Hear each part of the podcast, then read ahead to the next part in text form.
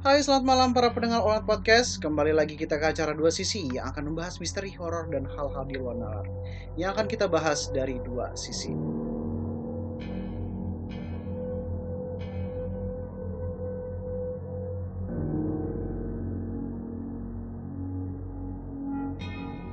Tidak terasa seminggu berlalu kita kembali ke acara dua sisi.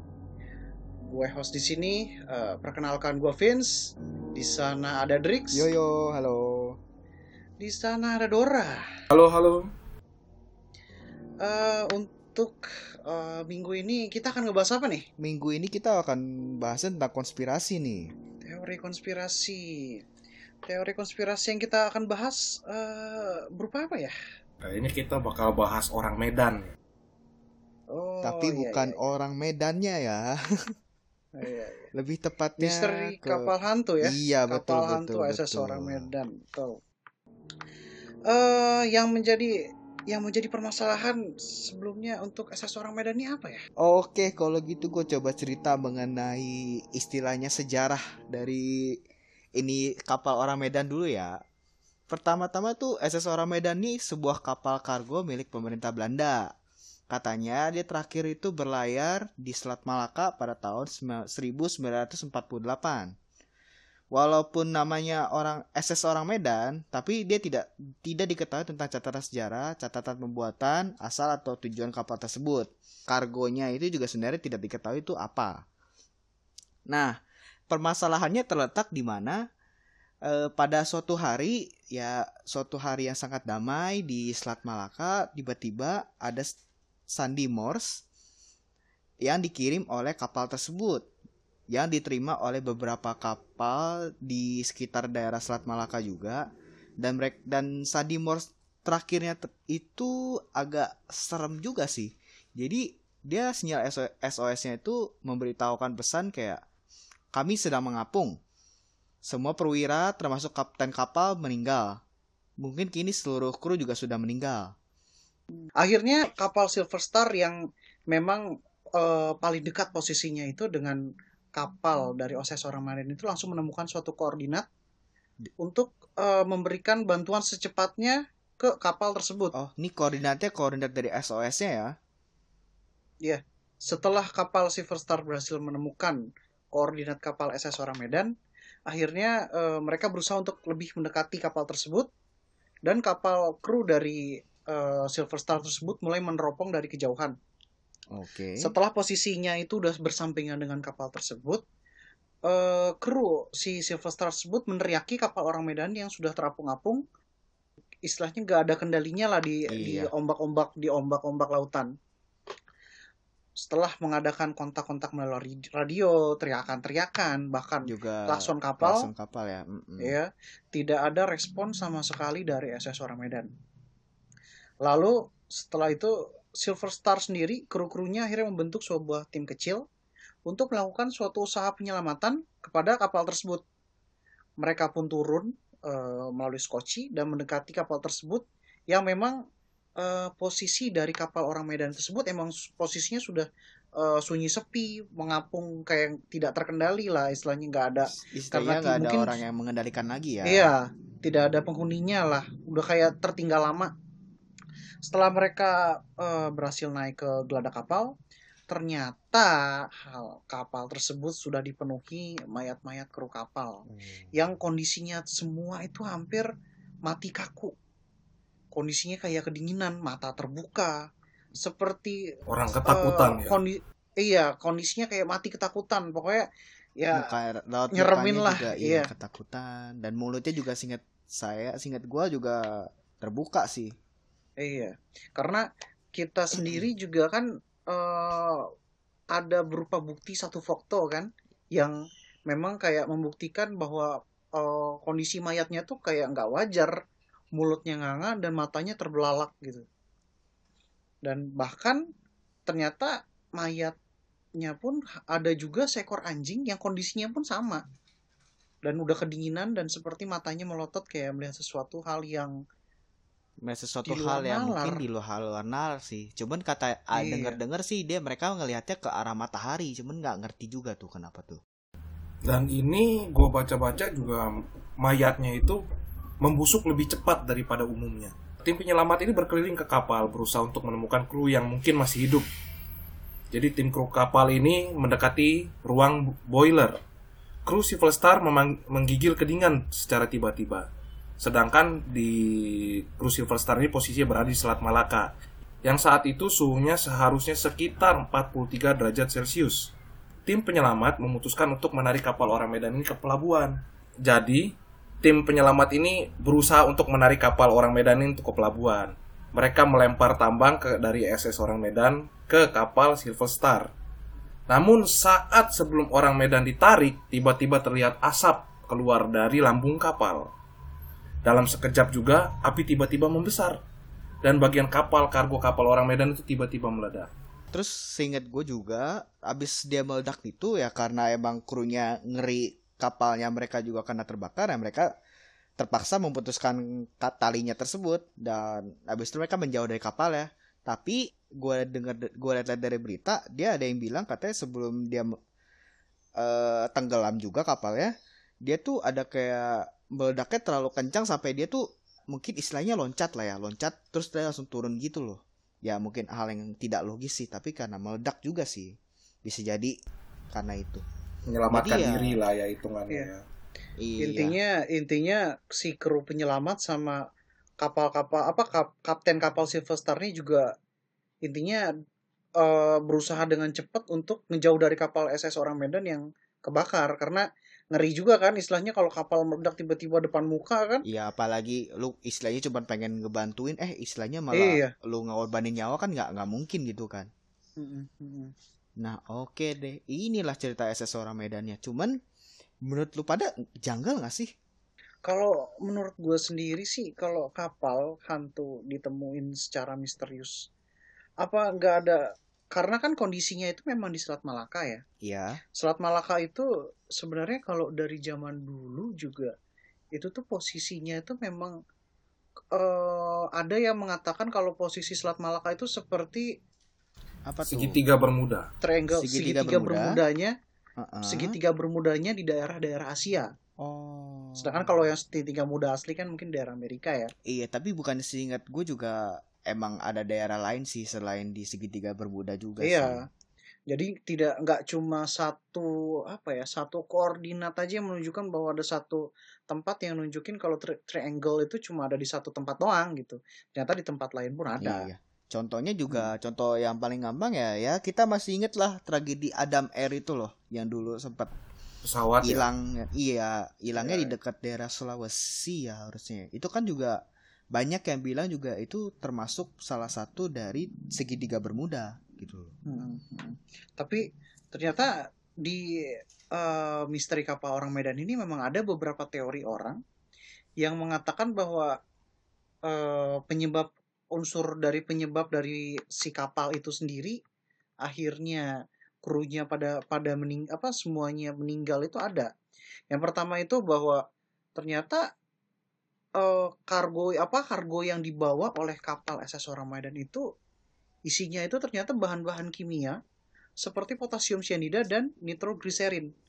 Yang di mana kalau berdasarkan teori ini air laut yang telah masuk ke palka kapal itu kalau mengeluarkan gas beracun itu akhirnya menyebabin eh, si krunya semuanya kena tewas beracun gitu istilahnya. Semua semua kena beracun dan karena faktor ini eh, faktor ini pun diperkuat saat si kapal Silver Star itu yang menyelamatkan itu tiba-tiba kapalnya meledak. Oh, tapi bener bisa ada- jadi sih karena Bisa jadi kan karena kan ada koleras korelasinya Iya, kan. dan singkat gue juga nitrogliserin itu juga bahan yang bisa buat dinamit gitu loh. Makanya bisa Iya. meledak ken- gede ya karena bisa jadi karena itu sih. Mm, mm, mm. Nggak salah Nah. sih. Iya betul. Makanya ada lagi nih teori keduanya lagi. Keracunan karbon monoksida di mana di mana eh, apa pada sistem uap di kapal itu kan kalau yang menyebabkan apa dapat menyebabkan kapal itu karam. Iya. Nah, sehingga karbon monoksidanya itu keluar dan menyeba- menyebabin semua krunya itu tewas dan itu juga bisa di bisa di kesenambungkan dengan kapal yang meledak tadi yang terakhir itu. Akhirnya akhirnya nyebabin hancurnya itu kapal si SS Orang Medan. Nah, kalau yang ketiga ini kalau berdasarkan eh, data bahwa ada kisah ini muncul Mm-mm. di majalah buku Forteana dimulai pada artikel Fate Magazine tahun 1953. Penulis tersebut bernama eh, Jesup memperkirakan bahwa kalau misalnya kapal tersebut itu diserang oleh UFO atau Oh. kekuatan paranormal lainnya yang tidak terlihat lah istilahnya. Dan bukti itu juga istilah eh, bukti itu dis- dibuktikan dengan ketiadaannya penyebab alami kematian dan ekspresi ketakutan yang dialamin sama krunya itu sendiri. Iya bener sih. Untuk nambahin aja, emang dari eh, jasadnya itu pas si orang-orang SS eh, apa Black Star ya? Ya. Itu mereka kan nemuin juga pas nemuin juga mereka nggak menemukan ada hal-hal luka-luka apa pun itu. cu- Emang badan eh, mayatnya itu ya emang badannya kondisinya ya sangat kaku aja. Tapi tidak ditemukan eh, kayak damage dari ya mungkin Iya. senjata tajam gitu loh. Tidak ada tidak ada bukti luka atau apa besetan lah atau apa yang kalau emang di kapal itu ada terjadinya apa pembunuhan atau apa kan itu ini pasti ada sama iya sekali. gitu loh. Iya. Dan ini yang terjadi kan hampir semua krunya itu mengalami kejadian yang sama. Hmm, iya sih. Matanya melal apa matanya Melotot eh, juga, melotot juga iya. mukanya juga pucet, mulutnya juga Mm. terbuka dan nggak cuma manusia gitu, sampai anjing pun juga begitu kan. Iya. Jadi mayatnya tuh kayak seperti melihat sesuatu ya. Mm-mm. Kalau dihubungkan dengan sebenarnya sih kalau untuk yang teori fenomena paranormal yang ada UFO itu sebenarnya kalau gue sebenarnya nggak terlalu Make sense. Ini ya, terlalu, terlalu make make sense, sense, iya iya. sih. kalau kita menyambungkannya dengan eh, teori yang logis. Kayak teori kimia yang kemarin yang tadi itu Iya. ya. Kalau teori yang pertama yang berupa eh, apa bahan-bahan kimia itu mungkin masih masuk akal sebenarnya karena kan kalau bahan-bahan kimia yang berupa gas beracun kan bisa bisa aja tersebar ke satu kapal kan. Dan dan ini Iya. gue melihat dari buku Mielke, ini Baiton menduga yang dikarang oleh Baiton mungkin ini ya. Dia menduga kapal itu menyelundupkan senjata biologi yang diproduksi oleh ilmuwan jahat dari Jepang katanya. Oh, bisa jadi juga sih karena emang di dari si kru Silver Star juga mereka tidak menyebutkan isi dari kargo kapalnya sendiri sih. Jadi kita juga ya kita coba bisa berspekulasi sih di sini sih ya. Dan dan kapal itu pun sendiri ternyata pas dicek dia nggak tahu ini kapal dibeli siapa, diproduksi kapan. Jadi nggak nggak ada data-datanya. Nah iya tuh makanya hal- halnya aneh banget janggal tambah. Dan ternyata juga ya berdasarkan catatan tersebut ternyata CIA juga mengungkap, apa ngungkapin kalau insiden yang eh, dari SS orang Medan itu emang ditulis oleh satu orang bernama Ceh CH Mark Junior. Dan itu pada waktu saat dia menjabat wakil direktur CIA pada tahun 1959. Nah, dokumen rahasianya itu akhirnya diungkapkan ke publik itu pada tahun 2013. Dan eh, itu istilahnya di dokumen itu pun masih nyimpan satu misteri. Apa sih siapa yang bertanggung jawab atas kematian semua awak kapal SS orang Medan itu? Karena kalau ini kan berdasarkan teori.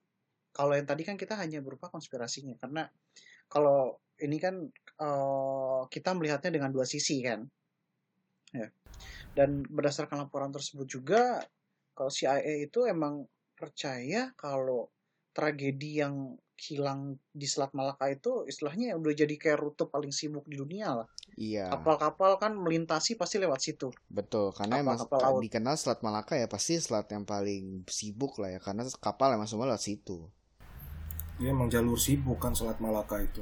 Eh, jadi yang gue juga ada baca juga nih artikel. Jadi katanya dari si eh, orang yang CIA itu yang menjabat sebagai wakil direktur CIA-nya si Cahamar itu, dia pada tahun 2013 dia pernah kirim surat.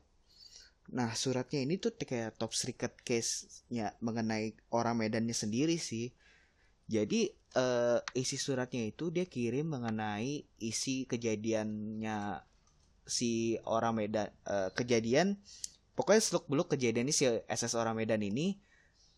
Nah tapi masalahnya dia itu kirimnya ke orang yang sampai sekarang pun CIA juga nggak kasih tahu orangnya itu siapa. Dan di dalam surat itu si eh, wakilnya ini ngomong kalau misalnya kejadian ini mungkin disebabkan oleh seseorang yang unknown dan tulisan unknownnya ini dia tuh ditanda petikin jadi harusnya menurut Hmm. gue sih mungkin orang CIA ini sebenarnya tahu sebenarnya apa sebenarnya siapa sih dalangnya Oh, kayaknya mungkin sih Mr. Unknown Mungkin- ini ya.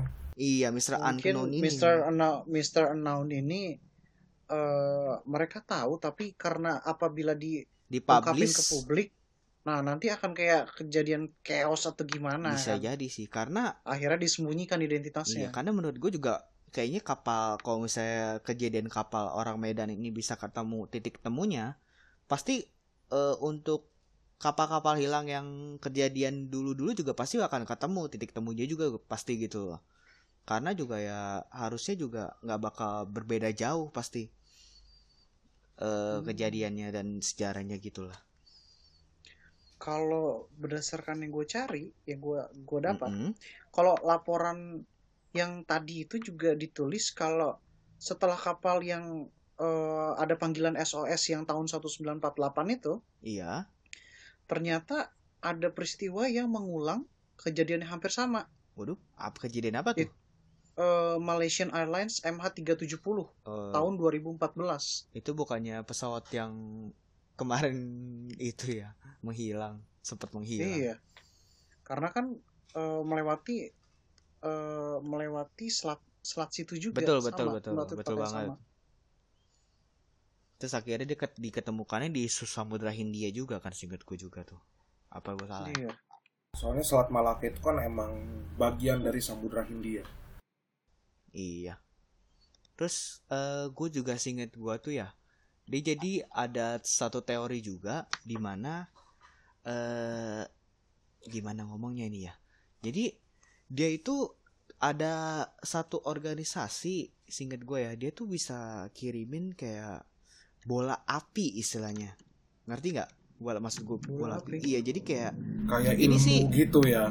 Nah i- iya sih. Masalahnya dia, dia tuh kayak kirimin kayak bola api ke daerah kapal-kapal mereka. Jadi kayak or, pas orangnya orang beda nilat itu kayaknya dia entah kenapa mungkin ketakutan atau apa ya ya ya lu bayangin aja lu tiba-tiba lu di jalan lu ketemu bola api terbang-terbang gitu kan. Pasti mata langsung tertuju sama itu bola yang ngelihat. Wah, iya tapi apaan tuh? itu juga menurut gue juga nggak bisa mensupport eh nggak ada yang bisa mensupport gimana mereka meninggal kan. Nggak mungkin lu cuman kayak ngeliat bola api terus tuh kaget terus tuh modar kan nggak mungkin kan. Dan masalahnya tuh gak, di, gak diketemuin juga. Itu kan nggak ada hal, hal buktinya gitu kayak bola api gitu kan nggak mungkin gitu. Tidak ada rekamannya juga kan ya. Kalau yang berdasarkan gua da- tangkep sih, kalau yang paling logis, iya. memang memang kemungkinan eh, berdasarkan dari eh, cairan apa gas-gas kimia yang mungkin iya membuat satu kru itu eh, meninggal dunia. Kalau berdasarkan berdasarkan pendapat gue sih ya yang paling logis sih emang itu sih. Kalau berdasarkan pendapat gua, gua sih sama seperti Vin. Cuman karena mungkin yang dibawa ini gas kimianya yang sangat rentan, iya yang nggak bisa di, mungkin dibawa oleh kapal terombang ambing, terjadi kebocoran. Apalagi nitrogen yang kita tahu kan itu emang bisa bikin dingin, iya bersifat dingin. Jadi begitu begitu cairan tulik keluar dari tempat penyimpanannya, bercampur dengan air, udara di luar, jadi itu membuat kru-krunya menjadi meninggal. Dan seperti yang gue bilang tadi, yang gue baca, mereka membusuknya itu lebih cepat. Iya, iya, iya. iya sih bisa jadi bener Kalau dari sisi kayak magic magic mungkin gue kurang begitu percaya sih ya, kayak dikirim-kirim bola begitu. ya Karena- kan hal yang tidak logis pak Iya, karena yang nggak nggak logis. Menurut Bapak Drik bagaimana nih? Eh, kalau dari gue sendiri sih dari kita lihat teori-teorinya ya kalau gue percaya gue adalah seorang yang percaya hal logis sih jadi menurut gue ya teori yang paling benar menurut gue ya tentang eh, kargo yang dia bawa itu sebenarnya kayak senyawa kimia sih gue nggak tahu sih mungkin senyawa kimia eh, bisa jadi mungkin yang dis- disebutin tadi yang nitrogliserin dan apa satu lagi tuh gue lupa tuh. Eh ya intinya Iya. itulah gue lupa. Jadi menurut gue ya kemungkinan teori pertama sih yang sangat pendukung sih. Kemungkinan mereka keracunan senyawa kimianya juga dan ledakannya itu dikarenakan nit- nitrogliserin. Itu menurut gue juga kemungkinan terbesar sih itu. Iya, kalau kita eh, apa?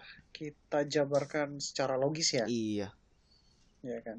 karena kalau misalnya lu pakai teori kayak UF UFO lah kayak bola api lah terbang-terbang gitu kan itu kan hal yang sebenarnya tidak belum bukan tidak logis sebenarnya belum ketemu kayak faktanya gitu kan orang belum ada yang ketemu gitu loh jadi nggak ada pembuktiannya ya kan? iya gitu loh Iya. nggak ada pembuktiannya Ya jadi karena karena itu kasus ini masih masih berupa teori konspirasi. Karena sampai sekarang pun juga konklusi yang mereka dapat juga belum ada. belum ada gitu. Jadi istilahnya masuk ke mitos-mitos kapal-kapal menghilang gitu.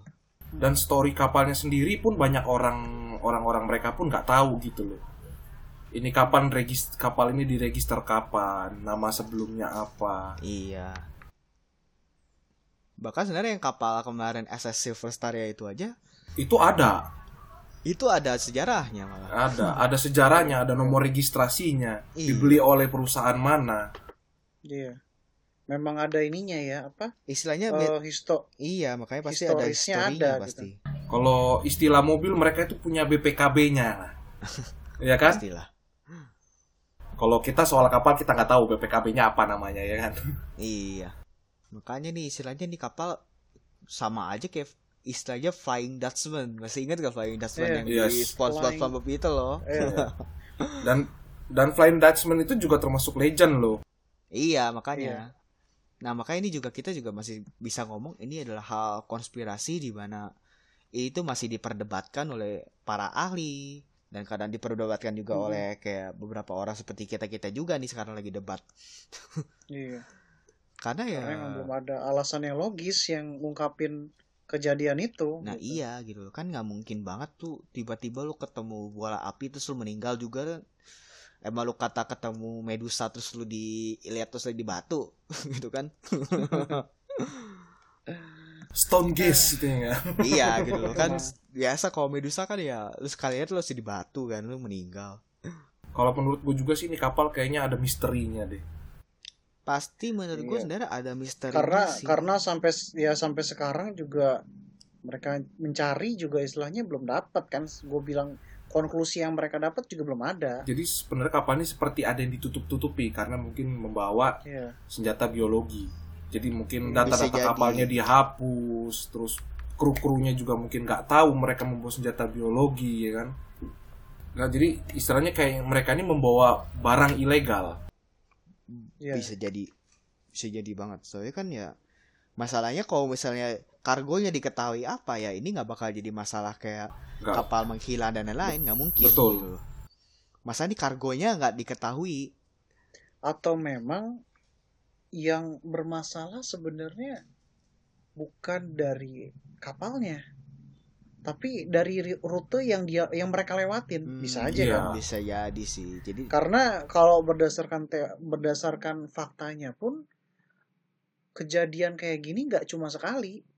Justru tahun 2014 kemarin Iya. yang yang gue bilang tadi pesawat MH pesawat ya MH370 Malaysian Airlines itu hilang di posisinya yang di Selat Malaka juga. jadi ya mungkin bisa jadi juga karena posisi lokasinya juga sih ya siapa tahu emang lokasi tersebut salah satu dari segitiga Bermuda yang emang konon katanya ya banyak ya istilahnya banyak kapal yang jatuh lah gitu loh Eh, nggak terasa nih eh, emang kasus kayak gini tuh emang paling menarik ya buat kita bahas ya. Iya, dari segi pertama kan ya itu konspirasi ya. Kita melatih Iya. opini kita sih sebenarnya sih. Argumen kita apa bisa di korelasi korelasikan dengan kejadian yang awalnya logis menjadi nggak logis gitu. iya, masalahnya juga kejadiannya sangat tidak logis gitu kan. ya, begitulah. Ya untuk ya untuk apa? Ntar. Untuk bahasan kita minggu ini kayaknya udah cukup sampai di sini aja ya untuk SS orang Medan. Iya, kalau soalnya kayaknya cuman permasalahannya karena masalah paling besar ya menurut gue cuma satu. Kargonya. Kalau kargonya Iya. diketahui ya pasti ketemu titik temunya gitu. Penyebabnya iya betul betul. ya paling ya kita cuma bisa ngomong sampai sini aja sih Jadi konklusi yang kita dapat ya intinya bahwa ada beberapa hal-hal yang logis yang kita dapatkan. iya Misalnya dari eh, bocornya gas kimia. ataupun Dan- dari segi-segi seperti UFO Iya. Tapi memang yang paling logis sih menurut kita ya Untuk- kayaknya untuk case case ini ya sepertinya sih Kebocoran bahan-bahan kimia. kimia sih ke bocoran iya kimia. Iya, betul, betul. Ya, sekian untuk episode eh, dua misteri dua sisi yang membahas kali ini yang akan membahas yang setelah membahas SS orang Medan. Untuk eh, minggu depan mungkin kita akan membahas mengenai teori konspirasi lainnya ataupun misteri-misteri yang atau hal-hal yang di luar nalar. Tetap stay tune di acara dua sisi untuk next episode. jangan lupa subscribe podcast kita ya jangan lupa juga apa subscribe podcastnya Om Boy dan dua sisi dan yang paling penting adalah stay tune di podcast kita karena kita akan membahas banyak konspirasi misteri dan hal-hal yang istilahnya tidak logis dan kita akan membahasnya dalam dua sisi Dan jangan lupa juga share ke teman-teman kalian untuk podcast Dua Sisi dan Omboy. Yo, oke deh thank you. Thank you, thank Bye. you. thank you